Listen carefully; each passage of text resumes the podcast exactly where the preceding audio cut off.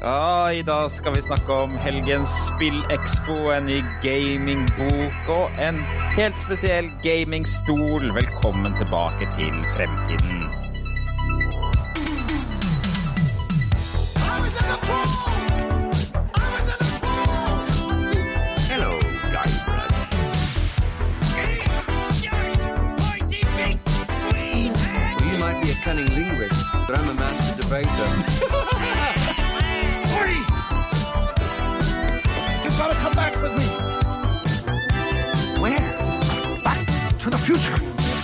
Ja, ja, ja, velkommen tilbake til fremtiden. Episode 49, podkast fra gjengen bak retromessa i Sandefjord. Og hver onsdag prøver vi å deg de siste retronyhetene fra spill, leke, film og TV.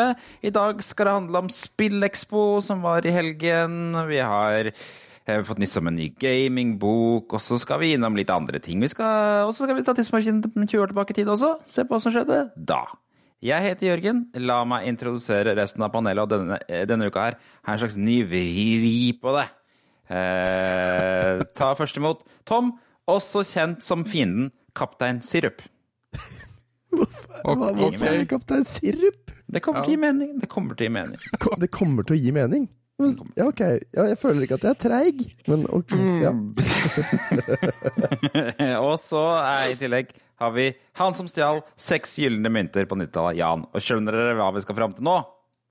Nei. Eh, altså Nei, ikke helt, men jeg tenker jo Super Mario Land 2. Uh, Ja, Six ja, ja. Golden Coins. Stemmer. Og uh, Hva var det du sa nå? Super Mario Land 2, Six Golden Coins. Ja, det er også spillkarakteren Vario vi skal fram til. Han er jo skurken i uh, Super Mario Land 2. Og uh, helten i Varoland, altså Super Mario Land 3, hvor han slåss mot skurken Kaptein Sirup. Ah, Mm. jeg trodde du mente at jeg er veldig flink til å trekke tida på ting.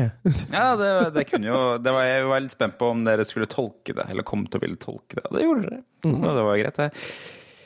Vi skal til ukas oppbaringsspørsmål, vi som ikke har noe jingle. Eh, Den kommer fra Odd JS Nordby Skau. Har du skrevet opp her, eh, Tom? Jepp. Henta direkte fra Facebook-gruppa vår. Direkte. Og, hvem er, og spørsmålet er altså hvem er du imot i brøstet? Oi. Jørgen starter. OK, OK, OK. ok. Jeg er Carl. Å? Jeg trodde du kom til å nevne en eller annen fyr som var med i én episode, og aldri igjen. Altså, at Tore Ryen gikk forbi kameraet en gang, så jeg er litt Tore Ryen i dag. Ja, for det kunne jo vært han, eh, han vi har på messa Hva heter han igjen? eh, Den godeste stemmeskuespiller eh, Trond Teigen. Trond Teigen, ja. Han har jo vært med et par episoder, han òg. Han har jo vært noen karakterer på Mot brøstet. Så jeg kunne jo, kunne jo valgt noe fra han. Nei, jeg gikk for Carl, og mest fordi at ehm, jeg har en eh, på sofaen her i dag som, uh, som ikke er i form. Og da blir jeg litt sånn derre Er du virkelig sjuk? Er du sikker på det? ja. Er du, tror du ikke du skal ja. Så um, Ja. har jeg vært litt kald Hva med dere? Jan. Um, nei, litt kald jeg òg. Um, For å si eh, mye Nei, nei, nei! Ja, det, det blei ble litt diskusjoner eh, til morgenen i dag. Um, kan jo nevne at dette er første gang vi har formiddagsinnspilling. Eh, Ja. Så Klokka er ti på morgenen. Yes. Eh, vi Jeg vekter min kjære datter, og så sier jeg 'nå må du stå opp, nå, nå må vi gjøre oss klar til skole'. Og fikk jeg en standardmelding tilbake. 'Fem minutter til, pappa'. Mm. Og, og så dette, dette fortsatte jo en stund. Og så sier jeg 'nå må du stå opp'. Og så bare 'nei'. Jo, det må du. så det, det blei litt høy temperatur, og det blei litt sånn der eh, Høy temperatur under um, eh, matpakkeforberedning og så videre og så. Så, og så tårna det seg når jeg ble spurt om jeg kunne kjøre opp til skolen. Uh, Ca. 300 meter. Og da Mm. Nei! det skal jeg ikke. Ja. Her, her hjemme så drar vi ofte til barnehagen uten sko, uten jakke, og av og til uten genser også. Ja, vet du hva? Det er en sånn ting jeg truer med også. Jeg tar på meg jakke nå. Hvis dere ikke har på dere jakke og sko og sånn før jeg har på meg jakke og sko, ja, da går vi ut uten. Hittil så har jeg sluppet å gjennomføre ordentlig. Å ja, nei, her er vi en som er så prinsippfast at uh, hun gjerne drar uten det. Det, Ba, ja, ja. det er jo litt herlig òg, selv om man blir jo frustrert, da. Men eh, det er morsomt. Hva med deg, Tom? Hva, hva har du endt opp på denne uka her, da? Nei, jeg er jo Nils, jeg, da. Eh, Ja, fordi Jeg du liker eh, å snakke om frokostblanding og banan. Ja, det er vel egentlig det jeg liker å snakke om. Altså, ja, altså frokostblanding, altså cornflakes med banan, det er godt, altså! Ja, det er veldig godt. Mm. har ikke han sånn. Laban på òg? Jo, noen ganger. Men jeg, nei, jeg har eh, egentlig akkurat våkna, derfor har jeg litt sånn ekstra deilig og morgengrøff stemme. Jeg hører det. Ja. Eh, sover skikkelig drittdårlig i natt, men eh, det er nå en annen sak. Mm. Um, For du har blitt eh, skiftarbeider, og derfor eh, lever du et helt annet Ja. liv nå. ja, ikke sant? Nå skal, jeg, nå skal jeg jobbe kveld, så nå begynner jeg jo ikke på jobb før klokka er ti på ni i kveld. Du er blitt en slags Dracula, på en måte. Du, s- Ja. det er sånn nok nokturnal. Men eh, nei da. Nei, så jeg, jeg føler meg litt sånn slaskete og litt slengete den siste tida. Så jeg er nok, jeg er nok litt Nils. Jeg ser på rommet ditt at du har fått et slags nødutgangsskilt på toppen. Er det, har du hatt det alltid, egentlig? Ja, det, ja, det har jeg hatt hele tiden. Ja, det har vært der hele tiden. Det er noe jeg kibber fra jobben. Ting som har blitt kasta i elsøpla som ikke skal brukes. Så da tar jeg det med deg hjem. Da tar du med hjem, ja. Jeg, liker jo jeg har seks nød- til. at dette nødutgangsskiltet peker mot TV-en og konsollene og spilla. Så det, er- det er en god nødutgang i en tøff hverdag. Vi satt før opptaket her og snakket om, for jeg har jo pappesker bak meg med en sånn uh, glassmonter fra Ikea. Hva heter de for noe, de der standard uh, Uh, Detolf, er det ikke det? D12? Ja, riktig. Jeg Jeg har liker jo at du det. kan det! Ja, vi har Vi jo har ganske mange av de 18 på 000 av de, da. Jeg, har jo ikke fått montert opp ennå, for jeg har ikke klart å, i hodet mitt å, å på en måte finne ut av hva jeg skal ha i det. Altså lage oh, ja. utstillingen fin nok. Så det er en spennende kontrast til at du har tatt med deg noe fra søpla på jobben og hengt opp Ja. glassuppe. Men, men jeg likte den der tanken til Jan om at nødutgangen er å spille spill. Ja, ja. likte. Men, jeg, men jeg har jo tatt med meg jeg har jo tatt med meg seks stykk av de litt mer nymoderne, sånn som uh, her. Eh, som nå også er viser sånn- Tom Jørgen Nå- fram et rimelig nytt nødutgangsskilt. Ja, ganske nytt nødutgangsskilt, men det er sånne hvor LED-lampene, eller du LED-stripa, har gått til Kan du bare holde, til, holde opp litt til? Jeg skal bare ta et skjermbilde til Facebooken eh, vår. um, Nydelig. Der Å, nå får vi ta et bilde. Og der, ja, nå er det tatt bilde. Men, men uh, i den her da, så er det jo en LED-stri- LED-stripe, og den har gått i filler. Eh, Så det, det jeg skal gjøre, jeg skal renske ut alt av elektronikk inni den, og så skal jeg legge ned LED-stripe bare med, med ledning, og så blir det gøyalt bordlys.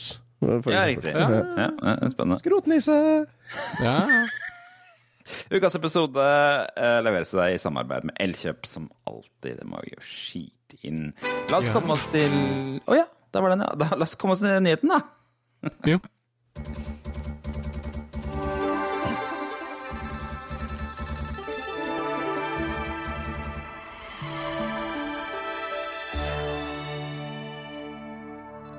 Hvis du ikke fikk det med deg, så var uh, Spillekspo i helgen. Eh, det er vel Norges største spillmesse, sånn eh, rent tallmessig. i, eh, arrangeres i Oslo, eller Lillestrøm, da. Eh, det er ikke Oslo på ordentlig. Ti minutter utafor Oslo. Det er ikke Oslo på ordentlig, nei. Nei. Lillestrøm, det er ikke Oslo på ordentlig! Trondheim! Du vet, det er ikke Moss på ordentlig! Men jeg bor i Trondheim, da. Nei, det- du skal du ler, du, men eh, du vet, det kan fort være slagordet til Lillestrøm, det. Eh, Lillestrøm er jo da i et, i et annet fylke, eh, men mange mener nok at Lillestrøm De, de prøver i hvert fall å kalle det Oslo, eh, ofte, har jeg sett. Det ble arrangert på Nova Nova Spektrum, heter det nå. Før het eh, Lillestrøm varemesse. Nei, Norges varemesse, er det ikke det? Det Før het det men nå heter det ikke det lenger. altså Nå heter det eh, Nova Spektrum. Eh, Det betyr at da har jeg faktisk vært der. Det kan nok hende. Det er jo ofte Ja, for jeg har vært på den varemessa. Ja, Ja, ikke sant? ja. For det er jo ofte folk pleier å dra de på Oslo Motorshow. Det er liksom det som er det store, store de har der hvert år. Da. Så, er det, ja. så er det jo hus og hjem. Det er mye rare messer her. Det er, et, det er et messeområde. Ehm, jeg var der. eh, det, det varer jo fra fredag til søndag, tror jeg, Spillekspo. Jeg var der på søndag, altså eh, med, med sønnen min. Eh, vi, kom, vi var der da, da hadde åpna klokka 11.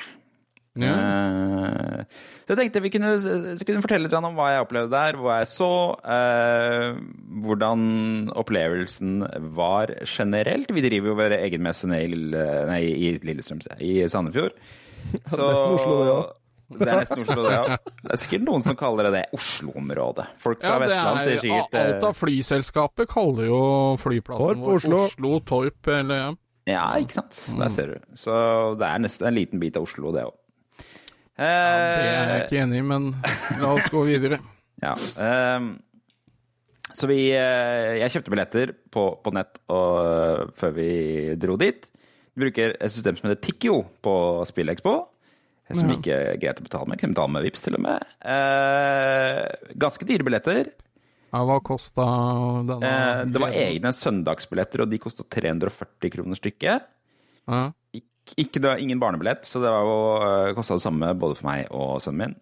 Um, Det syns jeg er litt uh, dårlig, egentlig. Så vi var allerede på 640 kroner. Uh, Og eh, det er jo en annen type messe enn messa vår, bare for å skildre det. Det er jo i en svær messehall, et ordentlig opplegg. Det er, det er et messested som brukes bare til messer. Ehm, så jeg skjønner jo at de sikkert har ganske andre kostnader enn det vi har, da, eh, i forhold til Ja, men altså, det blir jo veldig upersonlig i en sånn hall. Uh, Eh, ja. det, det, det er- det er- sånn Dekk, Jan! Dekk! Ja, hei. Det er en, det er en, det er, men det, det er en helt annen, det er et helt annet opplegg enn hos oss. Det er vel, kan vel sies. Dette her er liksom sånn eh, det er typisk sånn eh, stormesse som man er vant til, man er vant til eh, fra, fra større arrangement, da, som typisk sånn Hus og Hjem og, og Oslo Motorshow og de type ting der, på godt og vondt, selvfølgelig. Det første vi opplevde, var jo å bli skanna inn da vi kom. Eh, Det er liksom eh, en, en ting jeg la merke til da jeg var der. Det er, det er få folk som forklarer hva du skal gjøre. Det var liksom inn, og så var det sånn Å, hvor skal vi igjen? Å ja, ok, der står det noen med noen mobiltelefoner. Ok, går dit, liksom. Um, så ble vi skanna. De sa ikke et ord til oss vi, i skanningsprosessen. Det var ikke noe sånn hei, eller De var sikkert ganske slitne av å skanne folk. Det var jo søndagen, dette her. Um, men så fikk vi gjort det, viste fram billettene, gikk forbi. Var, og var, vi fikk ikke noe ekstra informasjon om hvor vi skulle gå etter det. Da bare sånn rup, forbi der. Ja, men Der- er det vanlig på en sånn messeevent, da? At man blir geleida på en måte? Jeg syns det hørtes rart, det òg. Nei, men nå, eh, det skal sies at eh, Og dette her er jo forskjellen kanskje på liksom å ha et sånt entusiastdrevet event og ha et større event, da, hvor det er veldig, veldig mange mennesker. Eh, For jeg, jeg er jo på messer med jobben også, i Spektrum og sånne ting, og det er, ikke, det er ikke så uvanlig å ikke få så mye mer informasjon om hvor du skal gå eller noe. Altså, det er jo og det har litt å gjøre med at når det er så mange mennesker, så er det jo en strøm av folk som går i en retning, så man klarer liksom å finne fram. Ja. Um, så det første vi traff på, var et svært bord med masse tegneserieblader som vi ikke skjønte om var gratis eller ikke. For det var det ingen som sa noe om. Men det Det var hang ikke, hang ikke noe info heller om uh, ta med Det deg kan- dette. Kan, kan hende gjorde det, altså, men jeg så det ikke. Og, men eh, det var ganske mange som gikk og tok Pondusblader her, så da tok jeg de. Så det er mulig jeg har stjålet Pondusblader. Det var mulig jeg begynte hele Spillekspo med å stjele Pondusblader, så jeg beklager hvis, hvis skal, det skal du rense samvittigheten din, så får du donere det beløpet til Kreftforeningen eller noe sånt. Noe. Ja, ikke sant. uh, så vi begynte jo hele Spillekspo. Jeg, følte, jeg tenkte at nå skal jeg la sønnen min finne ut av hva han har lyst til, så jeg bestemte meg for bare for å gå etter han. Og det første han gjorde, var å gå i feil retning. så, Ja, ja men hva, hva, Han ville hjem. Ja, men uh, hva, hva, hvorfor sier du feil retning? Han, Eh, hva, hva, ble han trukket mot, Jørgen? Uh, nei, han prøvde bare å finne inngangen, altså, men han Ah. eh, det, det, er, det er ganske stor, den messehallen, og inngangen er i den ene siden. Det jo, uh, og det er jo eh, egentlig fire eh, messehaller i én på den, eh, spillet, på den, altså, den varemessa. Altså, man deler opp da, jeg tror den her foregikk i eh, sørdelen, altså den én del som de hadde skilt av, da. Eh, Ja, men- halv D? kan godt hende. Og det, eh, og det Han begynte å gå liksom i retning av eh, det, som liksom er litt mellomområdene mellom egentlig inngangen til hallen. Hvor man egentlig kommer inn der, og man kommer liksom ikke inn hovedinngangen, da. Så vi måtte snu litt og så gå den retningen. Da, for i den lille slusen der der cosplayerne henger. Så jeg tror han gikk, egentlig ville bort dit for å kikke hva de drev med.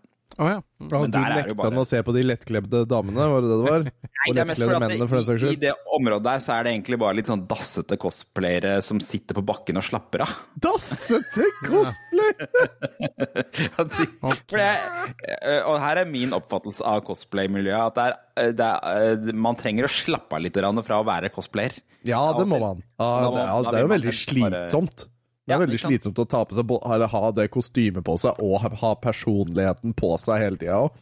Nettopp, så da trenger man av og til å bare sitte på bakken og bare være en litt sånn slapp, slappete Sånn du mener dassete cosplayer. Jeg trodde du mente sånn derre ja, Folk som ikke hadde gjort en god nok jobb.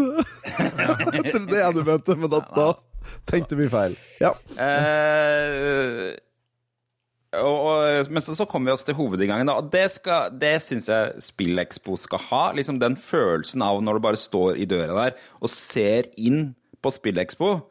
Er, det er en litt sånn unik opplevelse, fordi at um, det er ikke så veldig høyt under taket, egentlig, på den der SpillExpo-messa. Og det er ganske sånn anonymt i taket, du, og de er veldig flinke på å ha masse, masse bannere og masse ting som henger ned. Sånn og, og du klarer egentlig ikke å se nødvendigvis så langt inn heller, så du, du ser bare ut som du går inn i en annen verden. Og det er litt sånn senka belysning.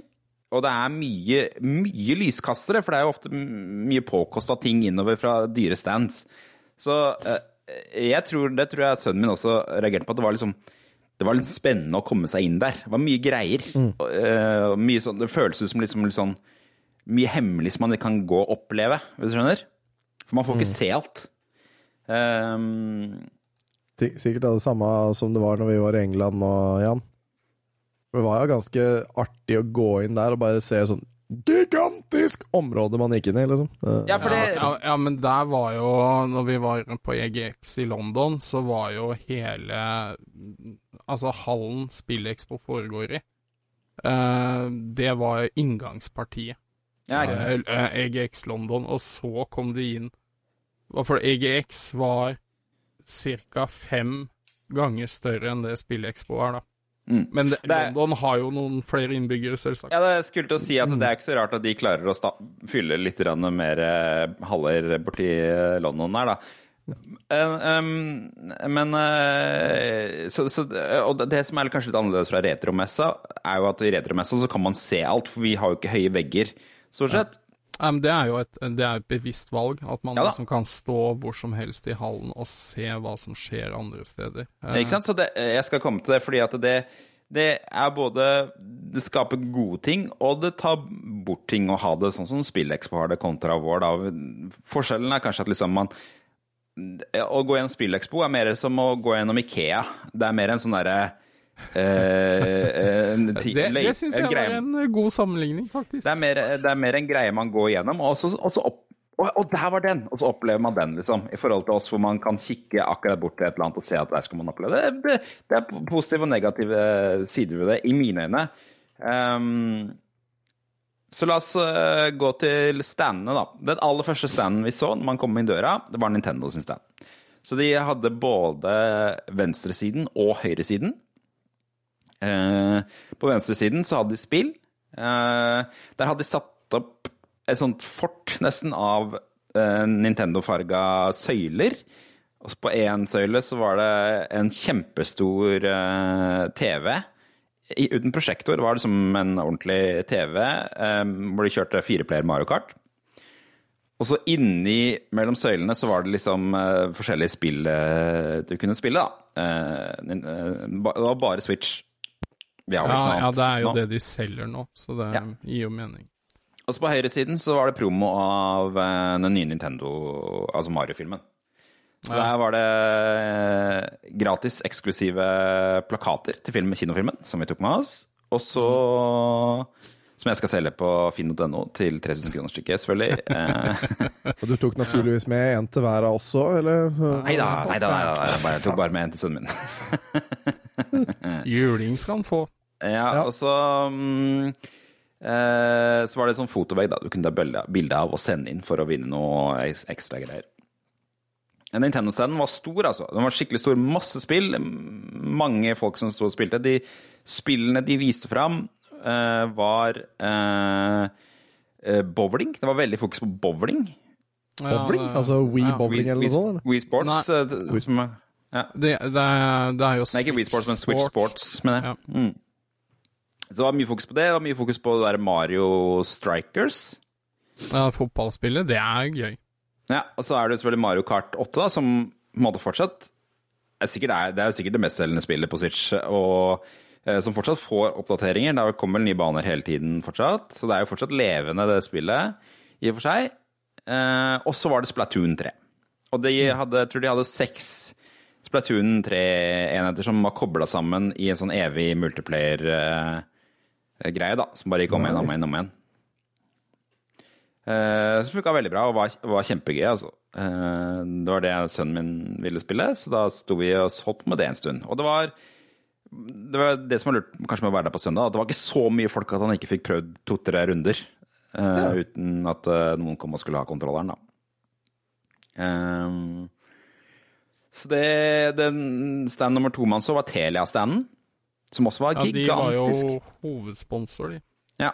De hadde var litt sånn eh, hva temaet deres var, var litt vanskelig å forstå, egentlig. De prøvde å reklamere for 5G, men de hadde veldig mange TV-er med spill på, da, og de spillene de hadde, var stort sett Fifa og Gang Beasts, eller hva det er for noe? Ja, Gang Beasts. ja, game. ja. Um, og et par andre. Men det var PlayStation 4 de gikk i, tror jeg, så vidt jeg skjønte, på alle, maskinene deres, da.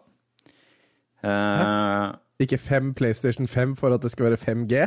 nei, det, det kan du si. Det, det er mist opportunity. Ja, Ja. ikke sant.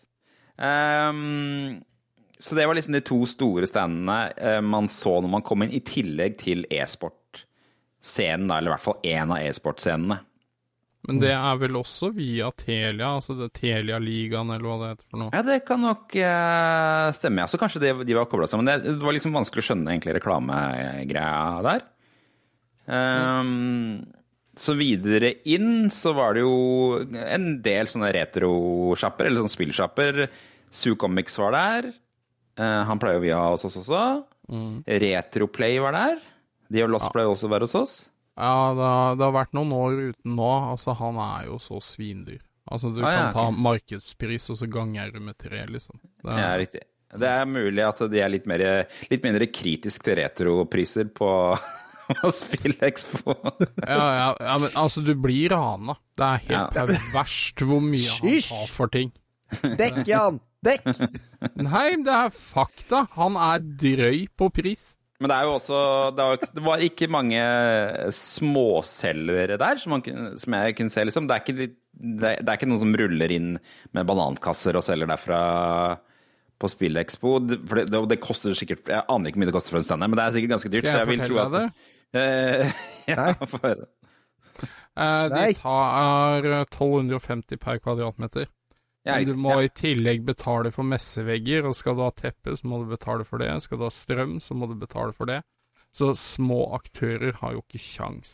Nei, så du, men det, og det er, tror jeg er rimelig standard på, på de store messene. Hvis vi, de messene jeg er på med jobben, der begynner jo standplass på 70 000.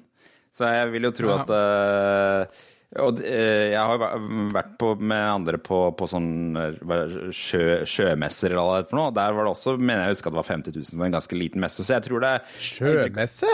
Hva heter det for noe, de derre Oljegreiene du tenker på? Nei. Maritim, eller noe sånt? Ja, nei, det var sjø, sånn Sjøen for alle, eller hva det heter for noe, hvor det er mye båter og mye Eh, Greenpeace, For alle, og så koster det 50 000 å stå der. Jeg Ja, ikke det er- påstå at det er for alle, da.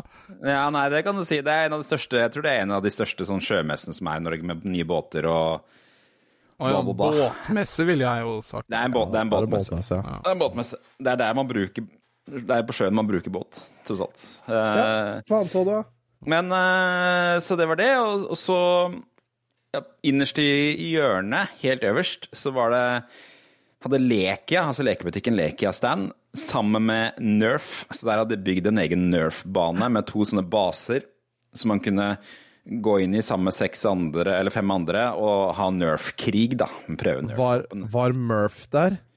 Nei! Oh, ja, den der Det er figuren. mist. Det er dårlig at Murf ikke var der, altså. Jeg tror Det er referanse til en tidligere episode vi har hatt, det der hvor, eh, med den nye maskoten til Nerf. Men eh, nei, han var ikke Jeg tror ikke den maskoten har kommet til Norge ennå. jeg. For jeg tror fortsatt ikke vi er helt oppdatert på Nerf-utstyret i Norge. Jeg tror vi selger mye, selger mye gråimport. Er, er vi ikke, er vi ikke nerfified ennå? Nei, jeg tror ikke det. Ja, Men eh, sønnen min det, Jeg spurte sønnen min på det var den standen han syntes var aller gøyest av alle. Ja. Eh, for der tok man på seg noen spesialbriller og eh, fløy rundt og skjøt på hverandre med Nerf. da, Det tror jeg han det syntes han var dritgøy. liksom. Fikk en skyte litt på pappa.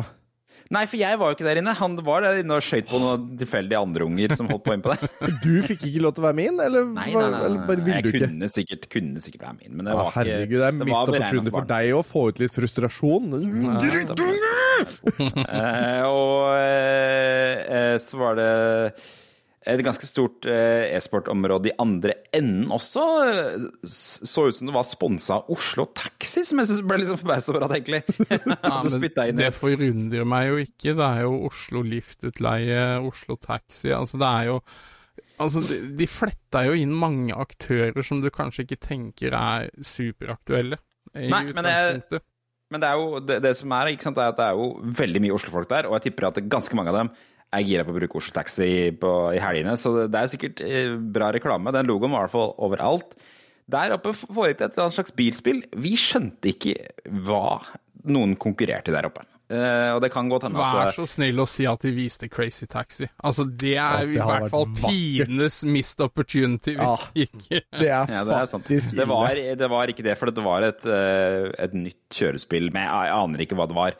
Eh, Sikkert fordi at det var søndag, da, så var kanskje de store turneringene over, muligens. Så at de hadde, var litt mindre turneringer i et eller annet. eh, Gud vet. Så, men ville ikke, han ville ikke sitte og se på det. Eh, tydeligvis ikke så opptatt av bilspill.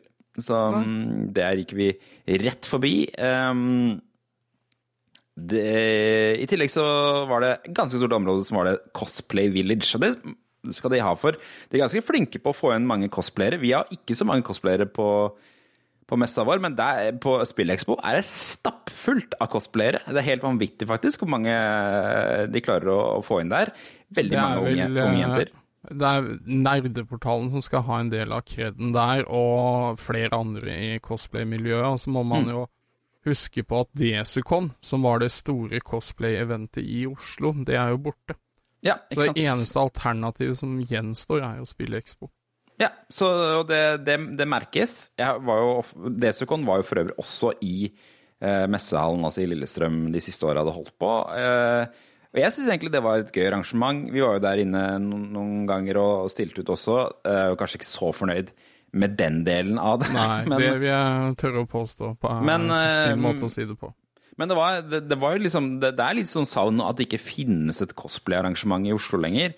Eh, og eh, jeg vet at det finnes noen andre rundt omkring i Oslo. Jeg tror det er et i Rælingen, blant annet. Men, eh, men det, det var mye cosplay. Sønnen min syntes det var kult å se de som hadde kledd seg ut. De er kjempeflinke til å kle seg ut, mange av disse folka her. Ja, ja. ser bra ut. Eh, det er mye unge mennesker, så det er åpenbart at det er liksom fortsatt Det er ikke de som var eh, 20 for 10 år siden, som fortsatt holder på, bare.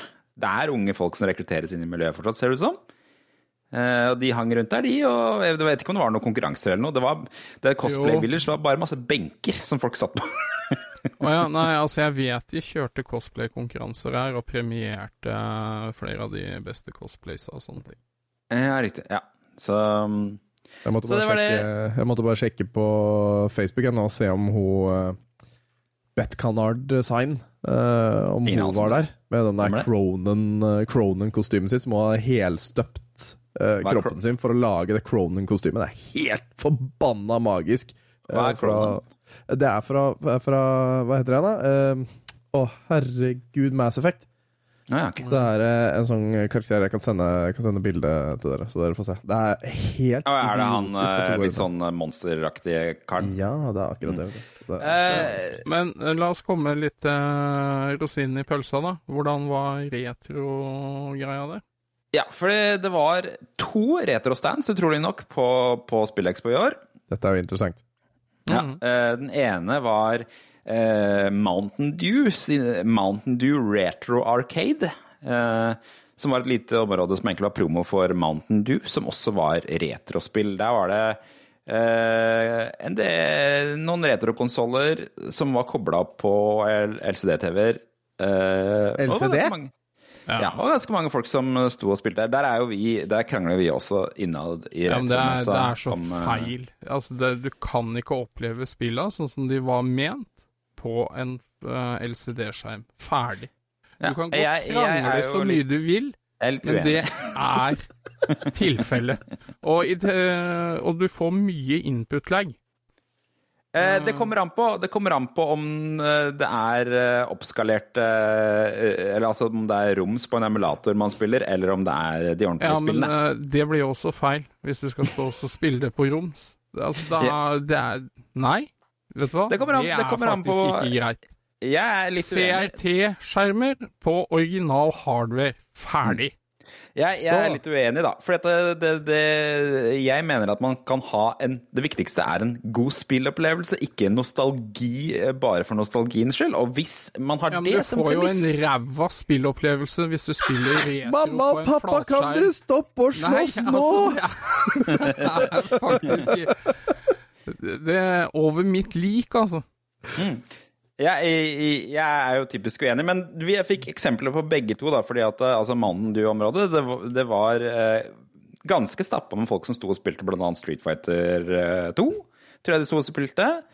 Eh, eh, og det var én, da. Så var det den andre retroscenen, som var Crusaders Retro. eh, drevet av, så vidt jeg har skjønt, av, av mm, Vegard Skjevstad, tidligere Gathering-arrangør. Um, nå driver han vel House of Nerds, jeg vet ikke om han er involvert i det fortsatt. Det er jo House of Nerds er jo fortsatt i Oslo, på Vulkan i Jeg vet, Oslo. jeg vet ikke om han er involvert der. Jeg har ikke sett han på en måte ha vært knytta til det, men jeg kan hende jeg tar feil. altså. Jeg, jeg, jeg, aner ikke. Men i hvert fall så tror jeg det er mye av hans ting. Da. Han var i hvert fall der og holdt på satt på en datamaskin og jobba der. Eh, Det positive eh, Det er ganske mye kuriositeter der. Ting jeg, faktisk flere ting der jeg ikke hadde sett før, og noen gamle, rare datamaskiner eh, som jeg ikke ante hva var. En som var laget i heltre, blant annet. Eh, den, den kanskje det som skiller de fra eh, standen vår, da, eh, er egentlig at det er ikke nødvendigvis så fokus på konsoll hos dem. Så det er veldig mye fokus på PC. Eh, Det er liksom, De har Spektrumer, de har Commodorer, de har VIC-20-er, de har eh, Amigaer eh, der, og PC-er. Vi har jo en egen stand dedikert til de tinga, vi òg. Ja, nå snakker jeg mest om når vi typisk stiller ut på sånne messer og, og sånne Ja. ting, da. Så det de kanskje ikke har så fokus på, er, er konsoller, da. Det var ingen Master System der, så vidt jeg kunne se. Ingen Nintendo, altså Nesser. Ingen Super Nintendo. Eh, det var GameCube, det var Megadrive. Én Megadrive som funka, én Megadrive som ikke funka. Um, men jeg mistenker at Megadriven har jo litt sånn arkitektur som er litt sånn PC-aktig, så jeg kan se for meg at det, det er en del sånne PC-folk og datamaskinfolk som er litt mer interessert i Megadriven bare pga. det. Um, og så var det det, det, det var mulig det var en Nintendo 64, men det, liksom, det, det var ikke veldig fokus på det. Og det var ingen type sånn TV-er. De har mye monitorer. eh, som jeg tipper sammenfaller litt med det han Vegard er interessert i å samle på selv. Ja, ja, det kan jo høres sånn ut. Mm. Eh, jeg så jo noen bilder eh, som flere sendte meg, jeg var jo ikke der selv, eh, fra den standen, og jeg må jo si at jeg, sy syns jo det så ut som det var lite interaktiv innhold der, da. Eh, det, var, det var grei, greit nok, men det var liksom det, litt lite sånn de, de hadde organisert litt annerledes oss på et sånn egentlig sånt uh, rektangelformet avlangt samling av bord, da, med skjermer i midten. Um, så det var nok det, det var ikke sånn veldig høyt engasjementsnivå blant barn på det retroområdet. De mangla kanskje litt sånn de barneretro-titlene, da, som jeg, vi kanskje har hatt fokus på. Uh, hvis jeg skulle, skulle kritisere litt for det, da. Og så var det en del som ikke funka. Men det var jo søndag, så de har sikkert hatt problemer med litt maskiner som eh, streika i løpet av helga når folk hamra løs på de på fredag og lørdag. Um, så det var det retroområdet, egentlig. Det, det, det, sønnen min var ikke så veldig interessert. Han spilte litt Rogue Squadron på GameCube da han var der. Ja, Du ga han naturligvis juling når dere kom hjem, for å ikke vie virkelig dedikasjon til retrospill. Ja, ja, men det er jo måten man fremstiller det på. Altså, vi opplever jo det motsatte, at kids faktisk står og spiller og bruker disse tingene. Mm. Men det handler jo om titler og å gjøre det fristende, da. Ja, vi ser jo det hos oss når vi stiller ut at uh, Altså, det er Duck Hunt er jo det som unge vil spille. Det er jo ikke noe hemmelighet, det, liksom. Og det er uh, Har du ikke den, så er det vanskelig. Ja, Skal jo, skal jo nevnes at det var ganske stor kø på, på Elkjøp sin stand for Nortebakken når de hadde med seg gaming-PC-er og Fortnite. Da var det ganske mye kids som ville spille der òg. Jeg skal komme til det, men nå, nå tenker jeg bare retro. Hvis det er liksom bare Ja, retro, ja, hvis du skal ha noe som skal tiltrekke barn, som ikke nødvendigvis var mål, målet deres, eh, det treng, må ikke være det på en retrostand, så er det vanskelig å komme unna at du må ha Duck Hunt, og du må ha noen av de der enkle Mario, enkle spillene som er enkle å styre. For det som er problemet synes jeg ofte med retrospill generelt, er at det, det er vanskelig for barn å forstå hvordan man styrer og ting. Ja, men herregud, glemt- det er jo vanskelig for voksne òg. ja, men vi har, vi, har, vi har glemt litt den uh, viljen man hadde som barn på vår alder til å bare sitte og knote med ting helt til man lærte seg det. Ja, det er ikke vilje, det var tvang. Altså, Du hadde ikke noe annet spill. Du måtte spille det der. Ellers fikk du ikke spille noe.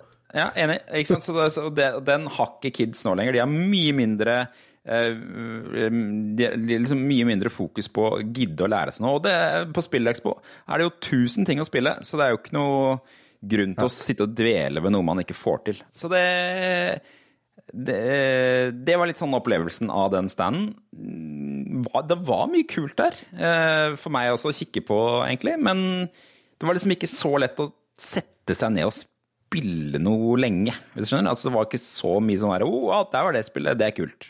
Um, Og for det er veldig mye retrospill som er ekstremt intuitive. Altså, de er lett å lære seg, da, men det er vanskelig å mestre. Eh, men du må på en måte ha noe som fanger, og så trekke folk inn på standen, sånn at de da faktisk utforsker mer. ja, så det, den hadde de kanskje ikke helt fått til, uh, syns jeg. Men, eh, men eh, så er det jo uh,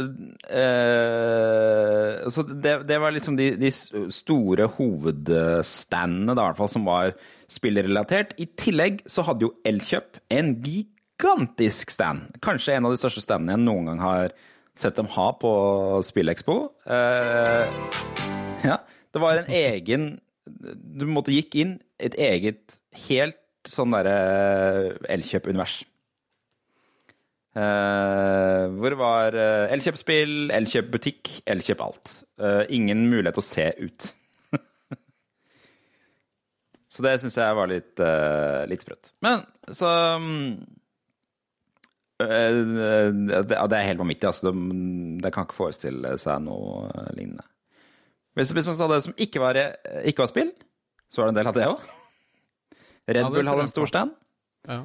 eh, med Formel 1-bil, som var kult å se. Det syns sønnen min var stilig. Eh, Beat, kjenner dere til Beat? De hadde et stort bakeri. Nei. Nei, aldri. Eh, og så var Naturlig der, som lager vegetarmat. Som var egentlig ganske kult, da. Ve- Solgte vegetarburgere. Ingen Dr. Rødtger, som eh, de ofte får kritikk for å ha der. det pleier å er være det mest populære standen. Ja, nå var det naturlig istedenfor, som jeg må si var en eh, god oppgradering. Um, ja. Ja. Som jeg, jeg skal prøve å rappe det opp litt her, men altså det, det positive som jeg vil gi dem kred for, er at de klarer å treffe, trekke mye folk dit. Altså Det var stappfullt selv om det var søndag, uh, overalt. Og Jeg hørte de jo på De hadde jo reklame på Radio Norge, blant annet. Ja, sikkert smart. Sikkert smart å, reklamere. Jeg er tydeligvis god til å um, fortelle folk at det, dette er messe. Masse engasjerte folk på stand, masse hyggelige folk på stand. Eh, Jeg sto og snakket om eh, mange rundt omkring. De, de var blide, de var engasjerte, de ville at folk skulle prøve. Kanskje de da- aller daffeste er indiespillene, må jeg innrømme. De var ikke så flinke som jeg trodde. De er ikke så flinke til å dra folk inn, få folk til å komme og prøve spillene sine, som de sikkert burde være. De er litt sånn sjenerte og rolige. Ja, men der igjen, det handler jo litt om hvordan du profilerer de. Um, jeg håper de på en måte fikk en litt mer sentral plass denne gangen. Det var en egen gate for eh, indie-spill. Ja, men så jeg var det de var... satt i en av sidene på greia? Nei, det var egentlig helt i midten, så jeg syns ikke ja, det var da bra. burde sånn de jo Mm. Hvorfor? Det Jeg tror- handler jo om å friste de som går forbi. Ja, men jeg tror- de også må gå inn i seg selv, de som står på stand, og være litt mer sånn selgende og flinke til å få folk inn. Men eh, det var bra fokus på e-sport. Det, det syns jeg SpillExpo virkelig har tatt til seg. Og de, de skaffer store ligaene. De har finaler i flere av de store ligaene der, live. Eh, man får inntrykk av at det er liksom viktige e-sporting som skjer der. Så hadde jeg selvfølgelig skaffa en stor Nintendo-stand. Det er mange spill å spille på SpillExpo. Masse spill. Eh, det går det ikke an å nekte for. Det er kult at de viser trailere for kommende filmer. Nerf-området var imponerende. Eh, så til det negative Eh, Gjennom hele SpillExpo så så jeg ikke en eneste spillansering. Nei. Det er ingen nye spill. Alle spill har du spilt før eller hørt om før. Huh. Um, så vidt jeg kunne se, i hvert fall. Det er Fifa, det er uh, Splatoon, det er liksom uh, Mario Kart. Det er liksom de spill De fleste har liksom spill du kan spille, men det er ikke nye spill. Det er ikke noen sånne lanseringer, det er ingenting. Og det ser man jo fra bransjen generelt. Det er ikke bransjen så veldig interessert i å ha på messer. Ja, men hva med, hva med God of War? Så Ragnarøyk, så du den der? Nei. De PlayStation eh, kan jo ikke stille fysisk på arrangement Å ja, til covid-restriksjoner. Samme med Xbox, da. Nei, er ikke Ah, Nintendo er faktisk de mest liberale når det kommer til Eh, billettene er dyre. Og det er greit nok for voksne, men jeg syns det er rart at det ikke er en rabatt for barn. Men jeg skjønner det også fordi at det er veldig mange barn der i forhold til voksne. Så jeg Jo, jo. tipper at eh, de hadde tapt en del penger på å ha barnebilletter i forhold til å ha de full pris. Og folk betaler tydeligvis full pris. Det er mange som kommer dit og betaler full pris. Um, Men du reiste kollektivt, gjorde du ikke det? jeg kjørte dit. Ja, ok. Hva, hva betalte du for parkering? Ingen anelse. Nei, du vet ikke. Nei, Jeg Eh, bruker Easy Park-appen, så noe den ble bare belasta. ja, ok. Ja, bare for eh, Det jeg kan huske, så er det forholdsvis dyrt. Ja. Eh, også når du legger på billetten og sånne ting, så Altså, det er en dyr happening, da. Ja, det er, det. er uten tvil uh, dyrt. Uh, så det, det er det fullt, fullt mulig å være kritisk uh, til. Det er lite informasjon der, syns jeg. Altså, jeg, Det var sikkert et program på nettsida deres som man kunne sjekke. I hallen, lite informasjon, lite sånne skjermer som står sånn 'Nå skjer dette, snart skjer dette'. Det er en announcer, det var det. Eh, som man hører godt, da. Eh, men vi fikk ikke noe flyveblad over hva som skjedde den dagen i Hanna, f.eks. Det kunne, kunne ha gjort at vi ble der lenger, hvis vi visste at det, ja, klokka ett så skjer det, f.eks. Ikke sant? Ja, ja. Um, de, er jo, de, de sier jo at det er i Comic-Con. Det er lite Comic-Con-ting der. Det er selgere som selger tegneserieblader. Det var det Pondus-greiene ved inngangen. Og så er han som alltid er der, han der ene norske tegneserieskaperen som lager han der superhelt... Ah, Urban Legend. Urban Legend. Han, han er der. Men det er liksom eh, Det jeg savner kanskje på SpillExpo, og som kanskje gikk meg hus forbi fordi jeg kanskje ikke vet hvem alle er, det er liksom de der profilene. Hvor er, hvor er den personen som jeg kan komme og få autograf av eh, på stand og ta bilde med og sånne ting? Det er ikke der. Eh, og det syns jeg er rart. Jeg synes det er rart at ikke de I hvert fall ikke på søndag, si. I hvert fall ikke på søndag. Nei, ikke sant? Og det, og det er jo noe med det. Det, det er jo en vanlig dag det også, hvor de skal hvor de tar nesten full pris for billetter. Så hvor er folka jeg kan treffe? Den eneste jeg hørte ble lest opp på uh, spikerne, var en som heter Nyrox, som er typisk sånn, sånn e-sport-dude. Ja, Ja, han, han er jo fra Ramnes. Det er jo han uh... det er ingen som vet hvor Ramnes er, Jan. Ja, ut, utafor Tønsberg, da. Men han blei jo verdensmester i Var det Men- Fortnite, eller noe sånt? Men det er, vel- Nyrex, er det ikke det? Nei, Nyrox, tror jeg. Mm. Nyrex? Eh, Nei, da tenker, jeg, da tenker jeg på feil person, tror jeg. Ja. Og så i tillegg så Jeg ser jo det at det er mange som er positive på Facebook, men det er også folk som gir kritikk av SpillExpo på Facebook. Det, en av de tingene som vi hadde vært plukket opp på, var at de ikke har ledsager eh, gratis for ledsagere. eh, Ja, ja, det var kun på lørdager, Ja. og det, det, det syns jeg er litt sånn smålig. Akkurat som folk som har behov for ledsagere, på en måte skal være friske på en lørdag, eller skal de ekskluderes? Mm. Jeg, jeg, altså, det, det klinger dårlig, da. Jeg syns det, det er noe de arrangørene burde ta til seg. Mm. Så det Ja. Det var det. Nå, skal ikke, jeg- nå, har vi brukt altfor lang tid på SpillExpo. Nå skal ikke ja. snakke Men det, det, er positive og negative sider ved SpillExpo, og det er bra at det er flere messer i Norge, selvfølgelig, for spill. Fordi at eh, det er jo trist om alt forsvinner. Men jeg ser jo det at det er ikke mulig å, altså det, å drive en, en messe sånn som E3-aktig i Norge med bare nylanseringer. Det, det skjer ikke i Norge. Det fins ikke. Det er ikke Nei, det, det, er ikke, det er ikke et stort nok marked for det, rett og slett. Um, um, og det, det er bare å stikke fingeren i jorda. Og, um, altså, det er viktig uh, med, med spillarrangement, definitivt, for det er det største, største kulturuttrykket som faktisk fins. Uh, når det kommer til Altså, det er jo over dobbelt så stort som film- og musikkverden uh, sammenlagt. Um, og det er kanskje ikke gjenspeila så godt i, i Norge. Så altså Det er en vei å gå. Um, men, men jeg må jo si og oppfordre lyttere til å besøke den beste spillrelaterte messa som eksisterer i Norge. Den er i Sandefjord. Ferdig snakka. Da skal du få, skal du få, få det. Det er lurt å orke å kjøre en halvannen time også til andre arrangementer enn bare de som er i Oslo. Ja. Pling! La oss komme oss videre før vi sklir ut i surret dette her.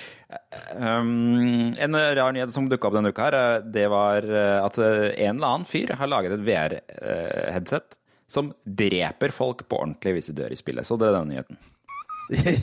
ja? det var spennende.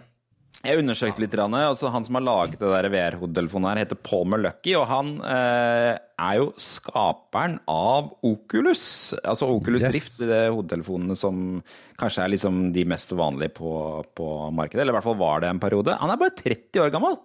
Ja. Og grunnen til at han sitter og lager Han er jo ikke i Oculus lenger. Nei, han er milliardær, han. Han er milliardær og driver et selskap som lager VR eh, som brukes på droner og av militære. Og da begynner man å skjønne litt hvor man skal med han der eh, fyren her, da. Og det, det hodetelefonen her, det er, headsetet her, det er ekte. Det er et MetaQuest-headset som, som har fått påmontert tre eksplosiver på toppen som peker rett mot panna på spilleren. Og eh, Frontalloben. hvor, hvorfor har dette her skjedd? Hva er, dette, hva er dette her for noe? Det er rett og slett fordi han er nerd.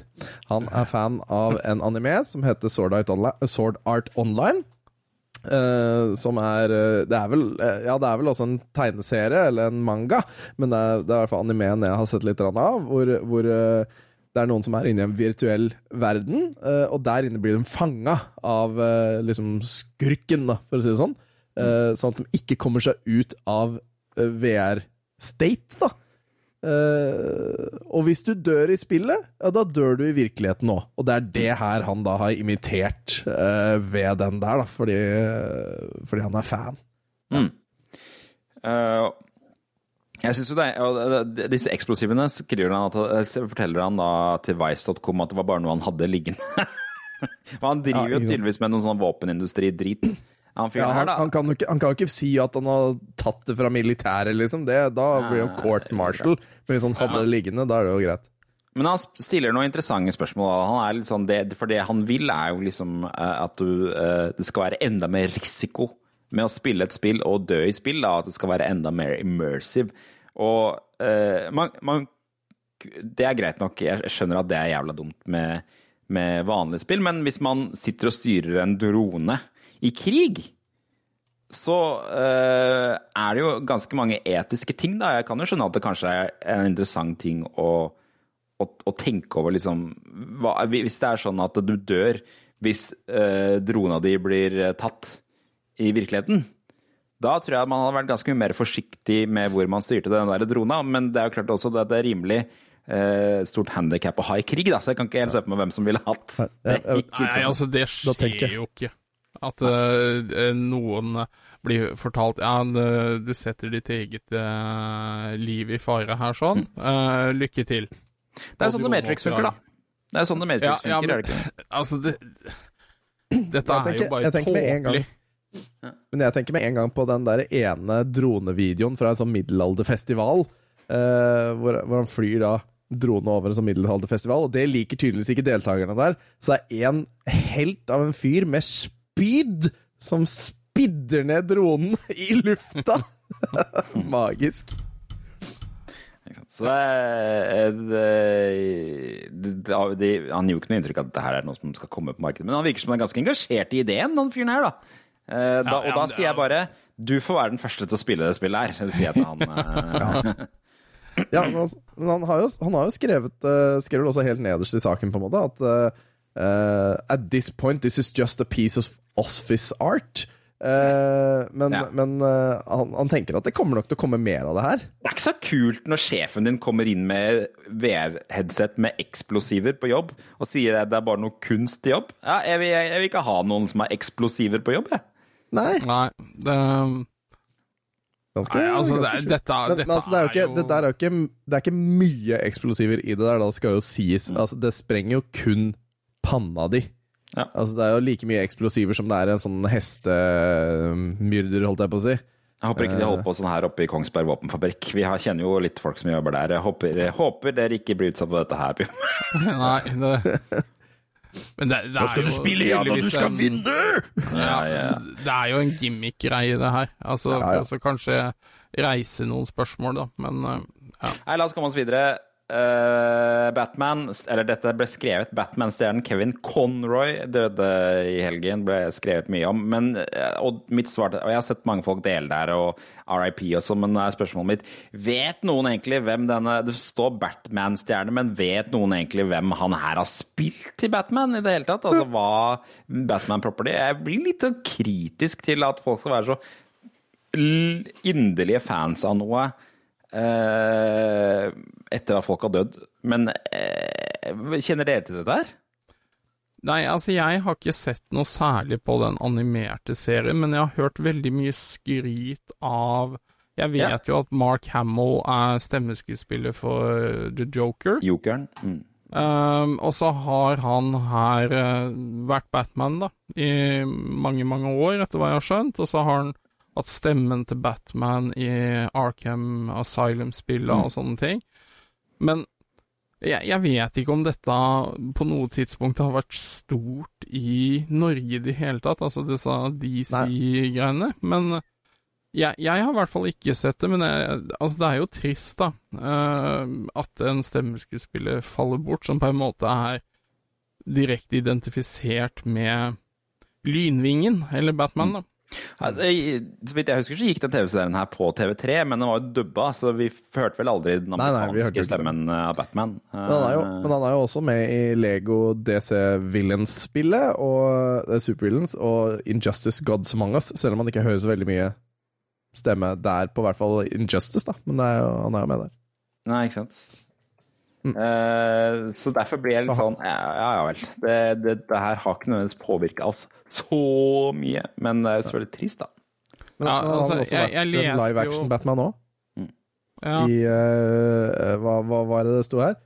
Arrowverse Crisis on Infinite Earths Crossover. Har aldri hørt om. Og det er, vel da, det er vel da sikkert fra da serien Arrow, ikke sant? Så har han i en, i en eh, eh, alternativt univers vært Bruce Wayne, liksom. Ja. eller noe Ja, men, jeg, men jeg syns jo denne artikkelen uh, som du linka, kanskje fokuserer litt vel mye på seksuell legning og sånt noe. Jeg, jeg føler jo i hvert fall det er, ja, at det er irrelevant, liksom, så Mm. lenge han gjør en god jobb, da. Her er en liten snutt av stemmen hans, Batman. Tror jeg i hvert fall. Altså, jeg hører det kjapt.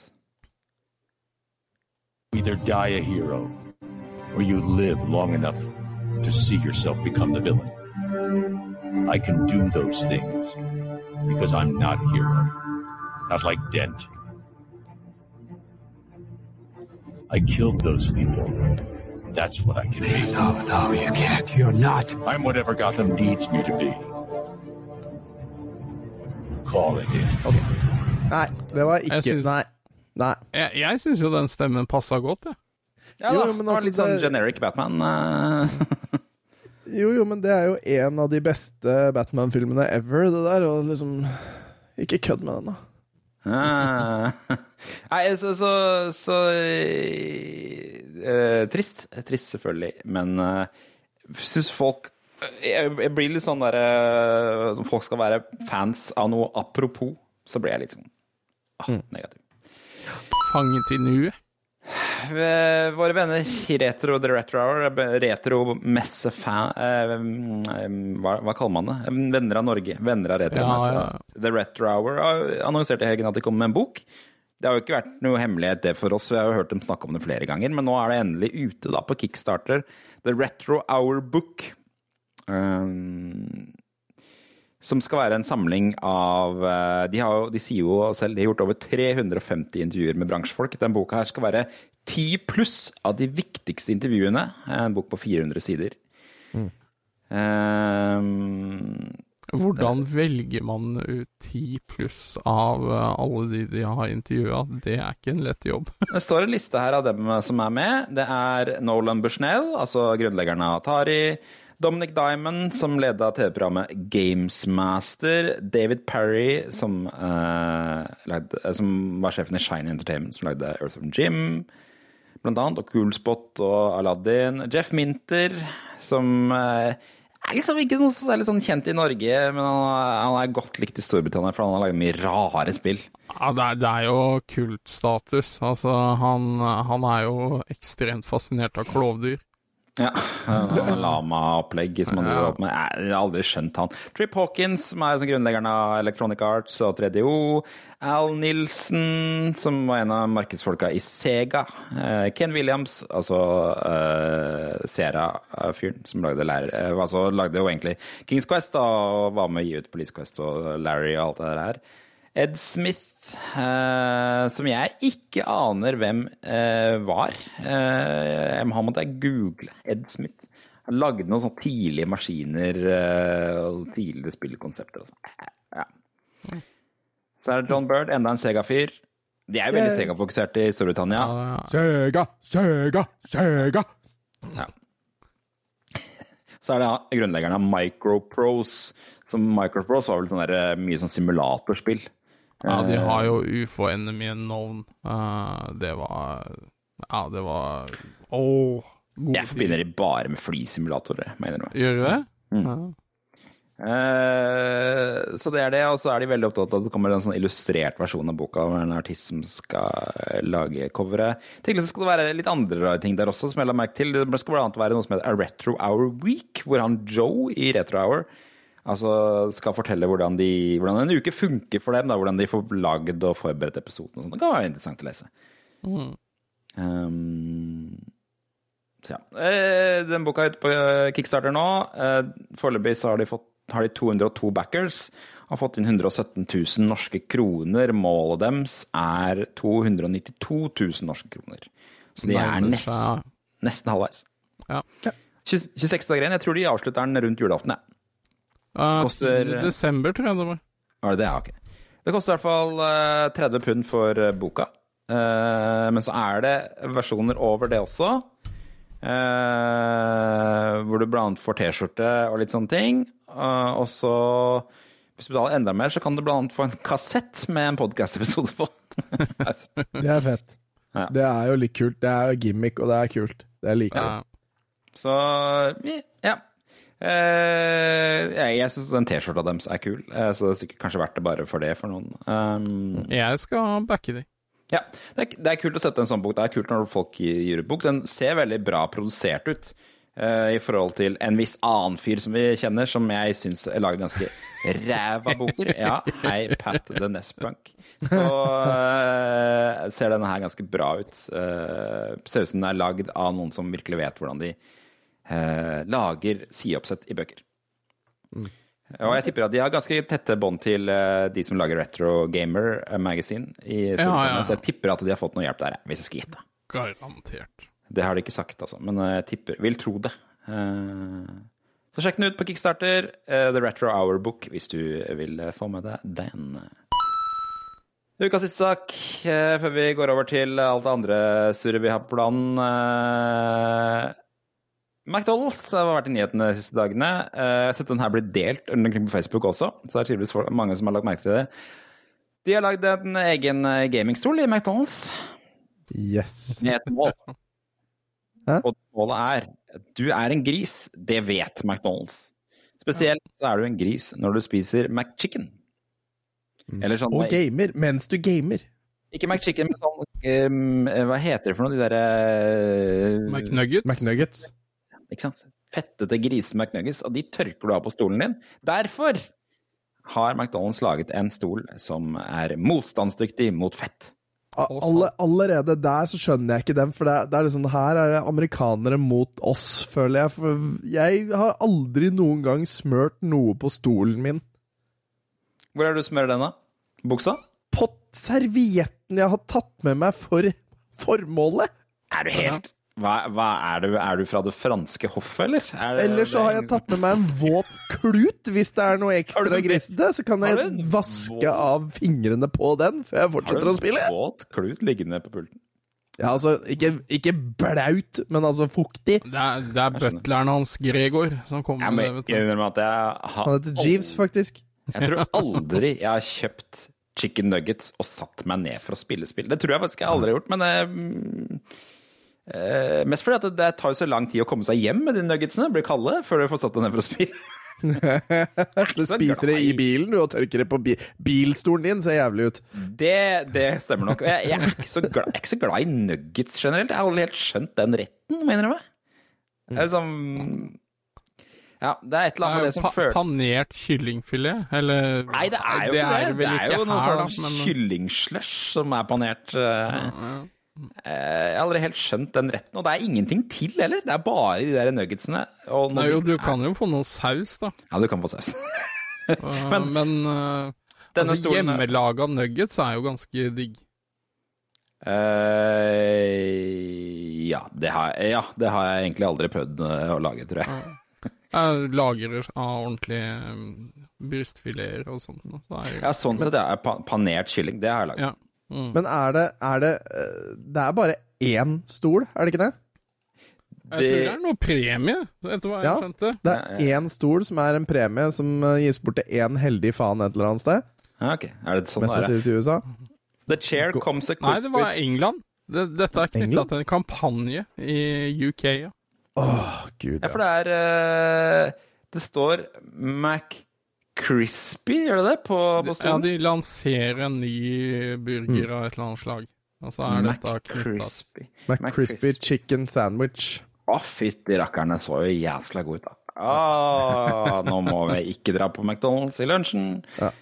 Uh, uh, det står at the chair comes equipped with a French fry holster, dedicated dip holders, a burger heat zone and grease-proof leather. Ja, det er jo Æsj. bare gimmick. Æsj. Da mangler det bare en do. Egentlig Men altså, liksom- jeg, jeg skulle veld... Hadde jeg fått den der Oh yes. Oh yes. Det hadde vært the prize i hele rommet mitt, for jeg hadde lett hatt den bare for gimmicken. Ja, jeg skjønner. Ja. Men nå liker jeg ting som ser litt så stygt ut. Du må ikke ha french fries eller pommes frites i den der holderen på sida der, da. Men jeg ser jo at det er en egen sånn stang ut på siden som du kan ha den derre french frien i. Ja, altså, jeg hadde jo hatt Jeg hadde jo øh, fitta den, så jeg hadde hatt kopp med gløgg. Kunne jeg hatt der. Hva du sier nå? Ha, ha, ha, ha. Jeg hadde fiksa den, så det hadde vært kopp med gløgg der. Modda Moddan. Modda det. Ah, nei, når det blir sånn latter som er sånn grynt, da er det gøy. Men eh, Det er litt, eh, litt uheldig ordvalg, da, men ja. Men så du har altså fitta den, og så tar vi og går Ja. Ah, Skal vi ta fun fact-spalten, eller? For nå, det var nyhetene, det, ass. Ja, det var ass. Eh, Oi, feil, feil, feil, feil. feil.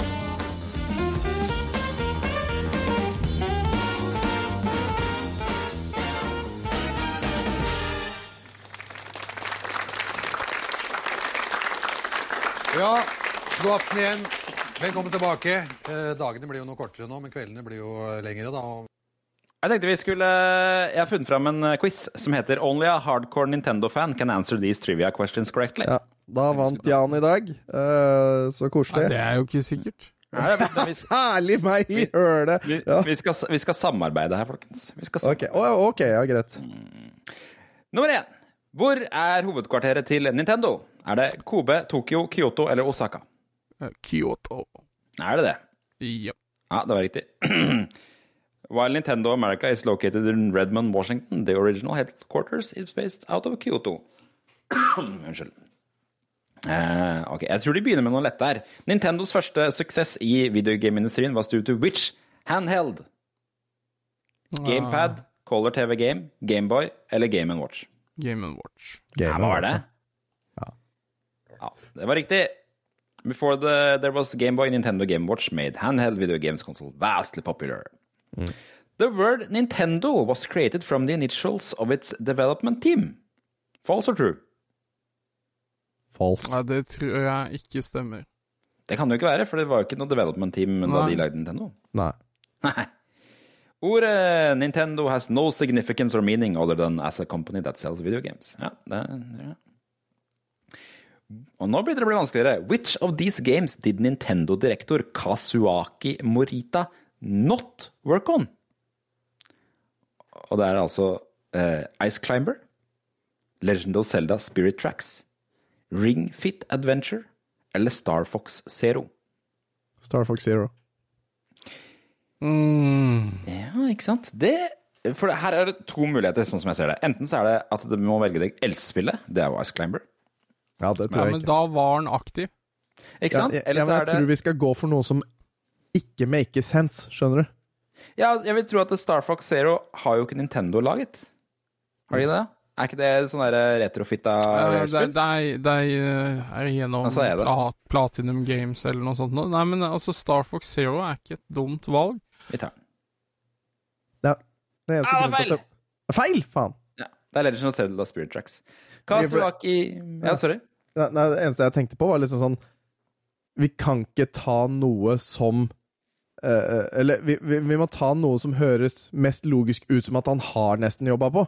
Men så ja, så da ville det jo vært egentlig Spirit Tracks. meg. Faen. Ja. Ka Marita was one of the few people who worked on the original Super Mario Bros. He, was, uh, he has worked on many Marians, Legend of Zelda games, as well as Star Fox 64. He shows up on the Legend of Zelda Spirit Tracks special thanks our area, but did not work on the game whatsoever. Ja, ja, ja. Av 721 forskjellige SNES games released in the US market, how many were exclusive to the region? Altså, hvor mange eksklusive SNES-spill finnes det i USA? Er det 163, 293, 148 eller 121? Vær så. Nei, Vær så god. helvete! Eh, Si tallet en gang til. 163, 293, 148 eller 121. 120. Det er, noen av, det er en av de hundrene, den 200, det tror jeg vi skal drite i. Så si de hundrene en gang til. Jan ville ha 121, skal vi prøve på det? Det er 148 eller 163 er de andre. Eh, jeg ville sagt 148. Skal vi gå for det? Ja. Ja, nei, ta Jan sin. Ta Jan sin. Men jeg, Nei, nei, altså det Nei, nå valgte jeg 148, men det er feil, for det var 121. Faen! While Nintendo released a whopping 721 different SNES games, eh, bare 121 av dem var eksklusive. Det er ganske sprøtt, da. Det var en ganske liten andel som var eksklusive til USA, egentlig. What's the name of the light gun used for duck hunt on the original NES? Ja, ja, den kan Ja. vi lære. Det er bare å si det. Zapper. Ja, den er riktig. Det var, de andre alternativene var rifle, huntgun og laser. Uh, As of the end of 2019, which of the following is the Nintendo Switch's best-selling game? Um, Er det Legend of Zelda, er det Mario Kart 8, er det Pokémon Sword and Shield, eller er det Super Smash Bros. Ultimate? Det er Mario Kart. Ja, det var Mario Kart. Uh, du, det var Wii Sports. jeg. Hæ? Jeg tror det var Wii Sports. Nei, men det var snakk om Switch. Switch Sports. I Super Mario Bros. eh, er Luigi Altså i originale Super Mario Bros. så er Luigi skapt fra en kombinasjon av to forskjellige eh, Hvilke to forskjellige karakterer? Skjønte dere spørsmålet? Nei. Altså Luigi i originale Super Mario Bros. er, er en kombinasjon av to forskjellige karakterer fra spillet. Ok. Her er det altså alternativet. Mario og Gumbas, Peach og Toad, Toad og Koopa eller Mario og Koopa? Jeg ville jo tro Mario og Copa da. Ja, det var riktig. Super Mario Bros. designer used Marios body shape and the color palette from the yellow and green Koopas, combining them to create Luigi. Ja, det, fikk okay. Det, det har jeg aldri tenkt på. What was Nintendo originally founded for? Altså, hva var det Nintendo først gjorde? Ja, Kortspill. det var jo sånne eh, kort, og så kom det jo leker etter hvert. Telefons, love hotels, playing cards eller cab service, og da tror vi playing, Playing cards. cards. Ja, det var riktig. Uh, which Nintendo console sold the most units? Da er det Switch, DS, Game Boy Advance eller Wii som er alternativene. Ja, jeg tror jeg er vi Eller Gjett Wii. Jeg Jeg har ikke noe svar. Altså, DS-en, det inkluderer vel 3DS? Det kan nok hende. Det, det er eventuelt jævlig close, altså, men jeg, jeg, jeg ville fortsatt tro Wien er mest selgende. Da gjetter vi Wii, ja, det var feil. Det var DS. Ja. Hva var uh, det siste spillet som ble publisert til Super Nintendo? Frogger, Fire Emblem, Kirby Streamland 3 eller Star Fox 2? Altså øh, Dreamland 3 er jo Som er utgitt. Ja, nei, det står released, så Ja, altså det siste spillet som er sluppet til Super Nintendo, Mm. det er Star Fox 2. Og for det kom jo på den miniutgaven. Det er første Ja, gang det er de slapp det. mm. Mm. Skal vi gjette, da? Ja, det var riktig! ja, det var, det var smart, Jan. Eh, hvilke år ble Nintendo grunnlagt? Det vet vi. Ja, det husker jeg ikke. Er det 1930 1933, 1940, 1929 eller 1889? 1889 er det, da. Ja, det er 1889. Det må det være. Uh, ehm, eh, hva var kodenavnet til GameCube under utvikling? Project Dolphin. Café, Revolution, NX eller Dolphin? Er det Dolphin, ja. Bing. Ja, det var Dolphin. Jeg håper vi får en oppsummering på slutten her. Det er ikke så mange spørsmål igjen. Uh, hvor mange spill ble utgitt i Nintendo 64? 296, 196, 388 eller 329? Det er 296. Er du enig, er du enig Tom? Jeg har ikke peiling. jeg skjønner ikke hvorfor jeg er her. uh, når kom det første Smash Bros-spillet ut? Da er det Tom som skal gjette først. 99, 98, 97 eller 2000? Uh, 97, da. 97. Og hva heter gjetter du, Jan? Det var Ja, faktisk, det- dette, dette er det siste spørsmålet. Ja. 97? Ah, nei, feil. Ja. Det første spillet kom ut i 99. Ja. ok. Ah. Jeg syns jeg skal få et poeng for å være inne i riktig tiår. Ja. Ja. uh, du fikk, vi fikk 10 av 15 riktige og fikk statusen Dedicated Fanboy. Your dedication to Nintendo is impressive. While you may have missed a few of them, all the ones who got right really prove you know your stuff. The Nintendo gods are proud. Altså, altså, Yay. Så fint å få det. I'm so excited, and I just can't hide it. Ja, det var den. Det var den quizen. Nydelig. Skal vi ta tidsmaskinen, eller? Jep.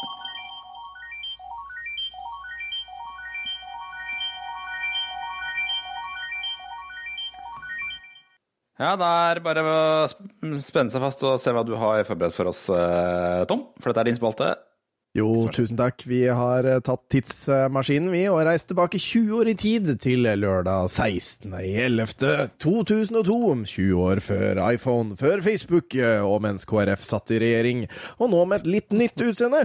Jeg har lagt ut noen nyheter fra avisen, og mine kompanjonger skal nå eh, velge hva de har lyst til å høre under kategoriene Ukas viktigste sak og Ukas VTF. Men først ser vi på forsiden. La oss bla over til eh, forsiden. eh, Skal vi se, eh, hvor er forsiden igjen? Å, der var den, ja. Sånn. sånn. Um... Lyd, lydkulisseeffekter. på forsiden her så ser vi at, uh, at uh, Døde med bind for øynene. Eh, veldig trist start på forsida. Eh, det, det er en kvinne som har blitt død og ranet. Hun har blitt død og ranet, faktisk. Jeg på hvordan hun klarte å få et bind rundt, hele, eh, rundt begge øynene.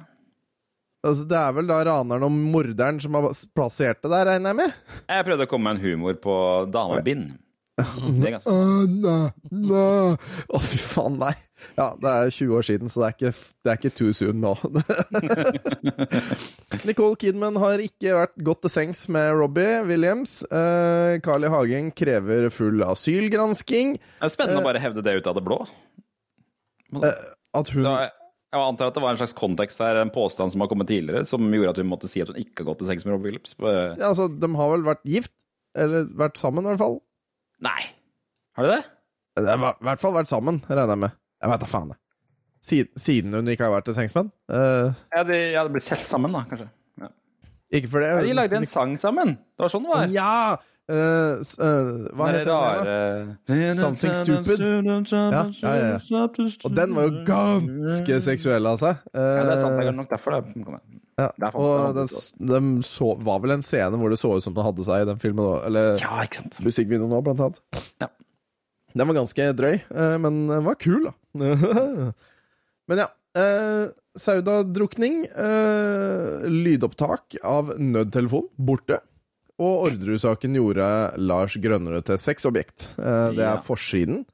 Eh, ganske Bra Bra bli sexobjekt av en drapssak. Det Ja, men det hadde vi jo sånn snakket er om før. at folk, at folk som, er, eh, som havner i fengsel, av en eller annen rar grunn blir til eh, Altså, Blir det sexsymbol for kvinner? De gifter seg Ja. ofte får barn. eh, Skjønner ikke den. Ja. Nei. The Bad Boys. Ja. Mm. Veldig bad boys. Det er derfor de er i fengsel. Er det så ja.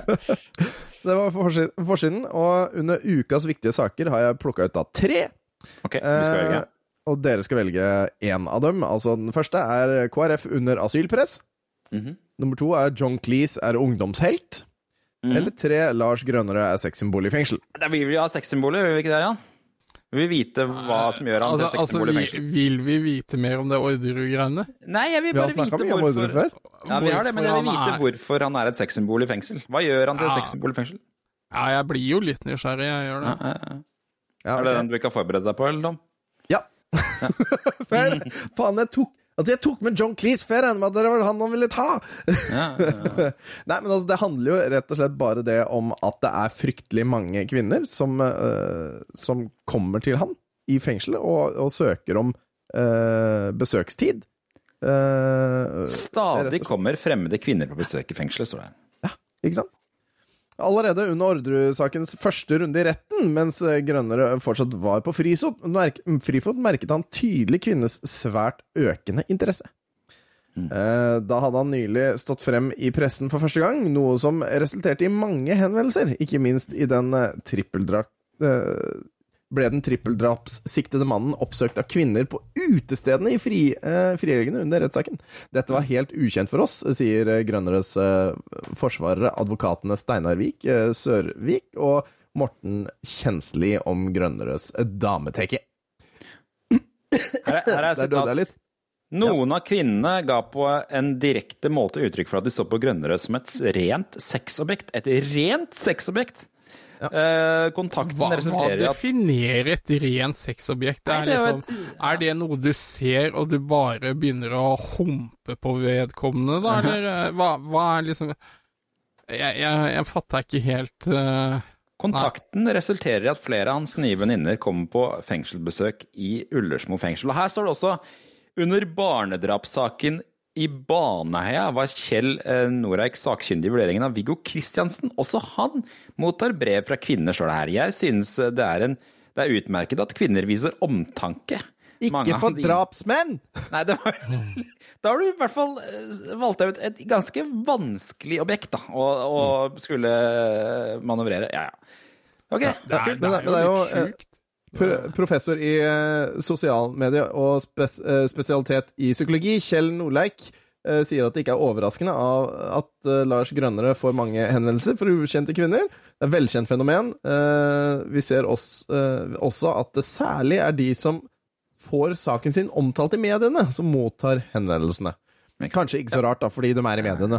Altså, De folk ikke vet om, de vet de ikke om. Men er det eh, Altså, nå tenker jeg bare høyt, da, men Er det kanskje en sånn indre trang for flere kvinner, at de skal på en måte klare å omvende disse personene?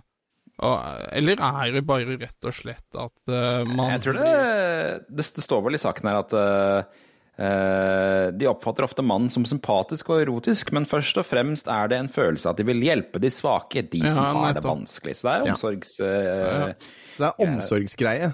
Eh, ikke, ikke det at kvinnene er gærne, eller noen av dem er det, men, men, eh, men, men at det rett og slett handler om omsorg, da. er ikke så gærne som de de har omsorg for, i hvert fall. Det, Nei, det er i hvert fall sant. skal mye til. Hva er ukas uh, what the fuck-blikk, da, Tom? Ukas- der? Ukas what the fuck eh, kan dere også velge mellom tre ting, og det er at Trivial Pursuit, det er blodig alvor. Ok. Uh, nummer to er uh, Hva sa han? Nei, det kan være det samme. Han er, nei, det kan være det samme. Han er pedo. Uh, og Kirken ber for E E6. Å, her var det mange gode. Jeg er både interessert i hvorfor Trivial Pursuit er blodig alvor, og hvorfor kirken ber for E6. For det er ganske rart å be for en motorvei. Men, men, men ikke den Hva sa han? Nei, det kan Jo. være det Same, Han er pedo. det, er, det er den jeg trigga litt på. Jeg skjønner Eh, ingenting av den. Jeg, skjønner, jeg skjønte den ikke, tror jeg. Så, men okay, Ja, det er den, akkurat altså. det som er moro med den! Få høre, da. Ja, men Ok, vi tar den! Fordi det handler rett og slett om en person som er sikta for sex med en tolvåring. Han er sikta for å ha hatt sex med en tolvåring, men Mannen var en same. Han snakka litt dårlig norsk, rett og slett. Og når han skulle forklare seg til en politimann, så skjønte ikke politimannen han! Mhm. Så, okay. så, så Og da slapp han unna, eller? Jeg skjønner ikke hva Nei, han har ikke gjort noe! Det er bare politimannen trodde at, at i den forklaringen han kom med, så var det han som var pedoen, men det var ikke han som Så han ble satt i fengsel uten Og satt i fengsel noen dager fordi Det, Det er ganske spesielt. Jeg snakka dårlig norsk! Hvordan jeg, bare, jeg, skjønner ikke Politiet var på jakt. De skulle finne en pedofil mann som hadde forskanset seg på en tolvåring. De vent, drar. De kom Eh. de, Hæ? Nei, nei, det var den oppi, nei, det er den oppi venstre. er Ikke den jeg sier. for- Vent litt nå. Eh, Tromsø. Språkproblemer i et politiavhør skal ha Har du ført til blanda saker? Nei, nei, nei. Eh, språkproblemer i et politiavhør skal ha ført til at en mann i Kautokeino urettmessig ble siktet for å ha befølt mindreårige gutter. Ja. Som følge av dette ble mannen, som uh, har jobbet som uh, lærervikar, en periode suspendert fra alt uh, vikararbeid i skolene i kommunen. Men ifølge Finnmark Dagblad viser seg at mistanken bygger på misforståelser mellom uh, en norsktalende etterforsker og et samisk vitne i et avhør. Så, så det er altså vitnet som er problemet her. De har, eller de har eh, rett og slett bare eh, å Nei, det er ikke tolken, selvfølgelig. For det mest gøye hadde vært om det var tolken. Så var det sånn samme Ja, sier sånn. 'Jeg er ikke pedofil, dette har ikke skjedd', og tolken sier 'Han tilstår på alle punkter'. Ja. Sånn, ja. Men ja, nei, det, jeg syns det var så bra. For det er liksom sånn Ja, ok, ja, men det er det samme, for han er pedo. Ja, ja. Ja, Samer er jo pedo. Da, da Ferdig sak. Ja, men tenk, tenk, altså jeg kan nesten ikke tenke meg noe verre enn å bli stempla for noe sånt nå. Nei. Uansett hvor kort tid det er snakk om, da. Altså, det, det hadde Det hadde gjort noe med meg, for å si det sånn. Ja, for han er sikkert sånn OK, jeg har kanskje ligget med noen reinsdyr, men pedo er jeg ikke. OK, takk for meg nå. Nå kan vi gå Ja, videre. ja nå, nå hisser vi på oss hele Nord-Norge her, eller? Ja, ok. Ehm, og Kirken ber for E6. Det er rett og slett bare at det var, eh, det var litt mange eh, døder på Døder. Uh, eh, ulykker på et spesielt sted på E6, og derfor skulle Kirken eh, eh, i det området der. Og Trivial Pursuit var at en litt full mann eh, banka opp uh, kjerringa si og søstera hans fordi eh, Eller søstera hennes fordi, fordi han tapte i Trivial Pursuit og syntes det var dårlig gjort. Såpass. Ja, ja. TV, da. TV. Da er det to TV-øyeblikk jeg har lyst til å trekke fram. Uh, naturligvis bortsett fra at på NRK, klok nei, på TV Norge, klokka 12 eh, og 12.50 så går det Wild Wild West og, og New Mission Impossible. Eh, det, Bra filmer.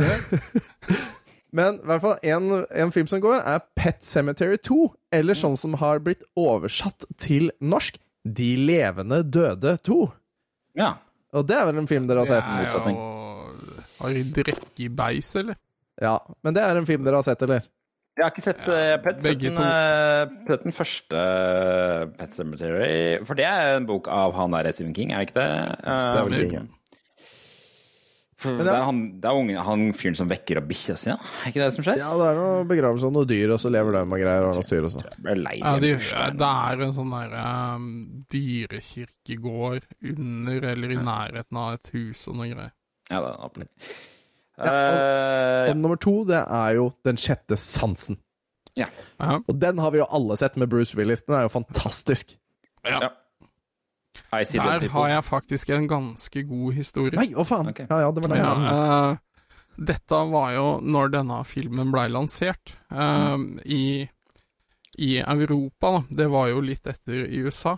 Og jeg kjenner en som var i USA når den hadde premiere, så han så den der. Mm. Ja. Og så var, uh, var vi uh, i, i Danmark, uh, og da var det premiere i Danmark. Og han gikk inn i kinosalen, og så vræla han ut 'Han er død' gjennom hele filmen, og så gikk han ut igjen. Rasshøl. Ja, for det Ja, er, det er rasshøl, ass. Det, det er en film de... som har liksom et sånn der Star, Star Wars-aktig twist. Eh, Hvor eh, det viser seg at noen er faren til noen har sagt dit. Det er liksom, ja. Det er en sånn twist som endrer hele oppfatningen av filmen på slutten. Ja, det, og det var jo den gangen jeg vil påstå han M. Night Shyamalan faktisk fikk til noe. Eh, jeg syns jo det har blitt uh, sprøere og sprøere, og det, det er jo ikke likhet av like bra. Den Det er, ikke, det er ikke sånn man liksom. sier eh, etternavnet hans, forresten. Det er Shamalamalama. Shyamalama. Eh, Shamalamalama, ja. Mm. Eh, For uh, jeg, vet- jeg vet ikke om dere har sett de andre filmene hans. Det, altså, det er en stadig sånn nedadgående kurve, da, for å si det sånn.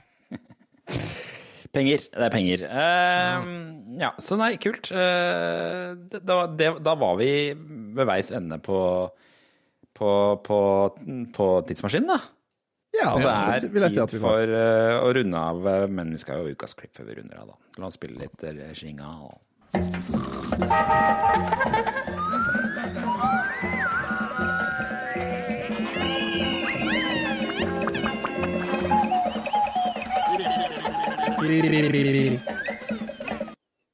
Da Men, men eh, nei, nei, f- Jørgen, før du setter i gang eh, dette klippet, så syns jeg vi burde nevne at eh, hvis noen lyttere har noen smårollinger eh, i heimen, og har lyst til å oppleve ordentlig spillmagi fra oldtiden, eller hva skal du si, eh, høytiden, eh, da skal faktisk Retromessa være på, eh, til stede hos UKM sitt eh, arrangement på Hjertnes lørdag 19. november. Og du må fortelle hva Hjertnes er, for jeg vet bare folk som bor i Ja. Ja, jeg, kom, jeg kommer til det. Okay, okay. Slapp av.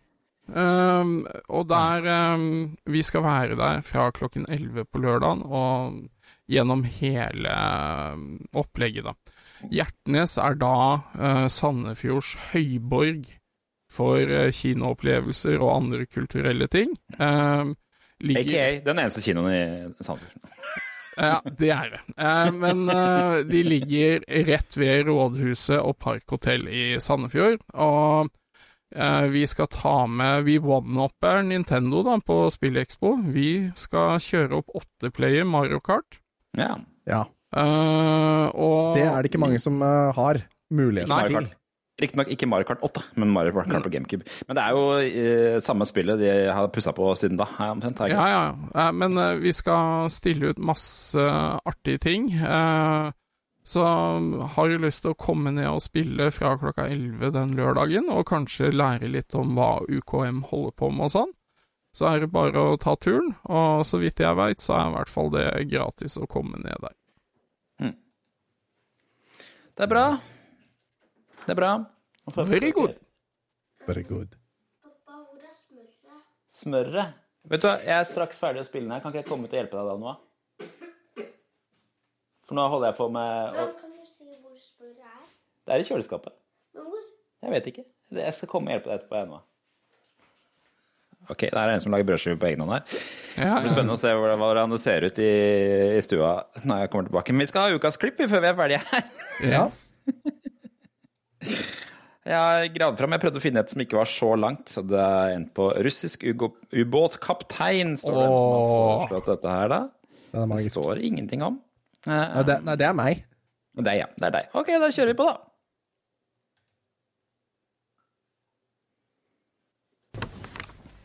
Det er en eh, ubåt i Stradsklassen. Den heter Dnieper av Arkangelsk.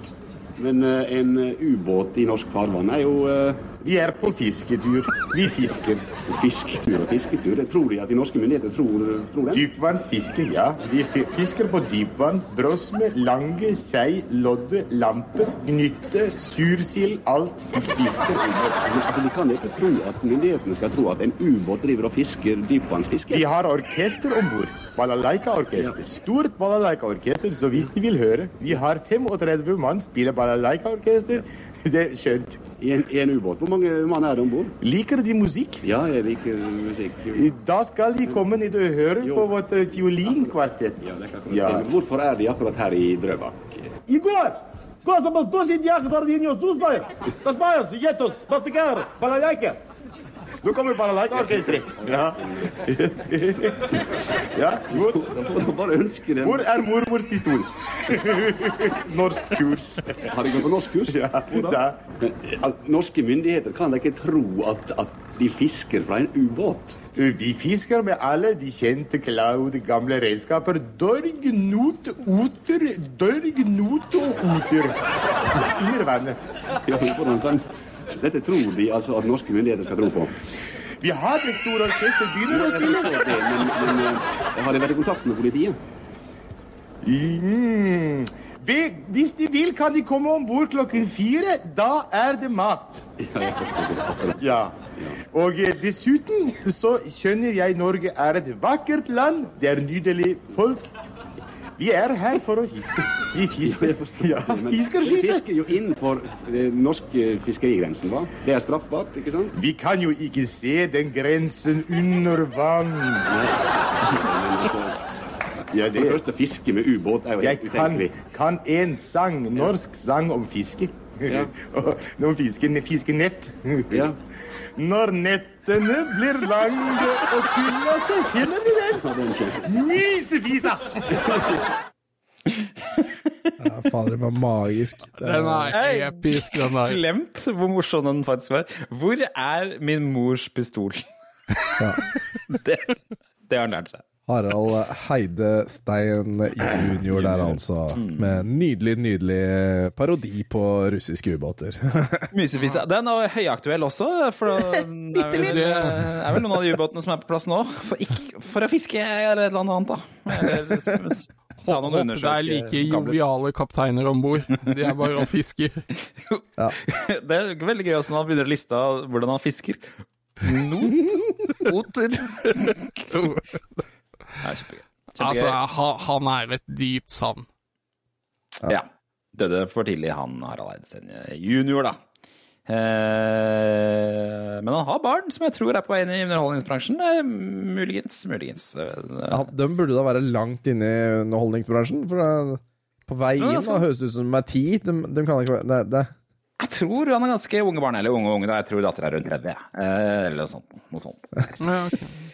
Oi, det var ukas episode, det. Vi prates igjen eh, neste uke. Besøk eh, oss på Hjertenes kino hvis du har anledning til det. I Sandefjord i helga. eh, så prates vi. Altså da den, den 19. 11. To, eller 2022, ikke i 2030, nå som du hører på denne episoden. Ja. All right. Ha det. Ha Ha det.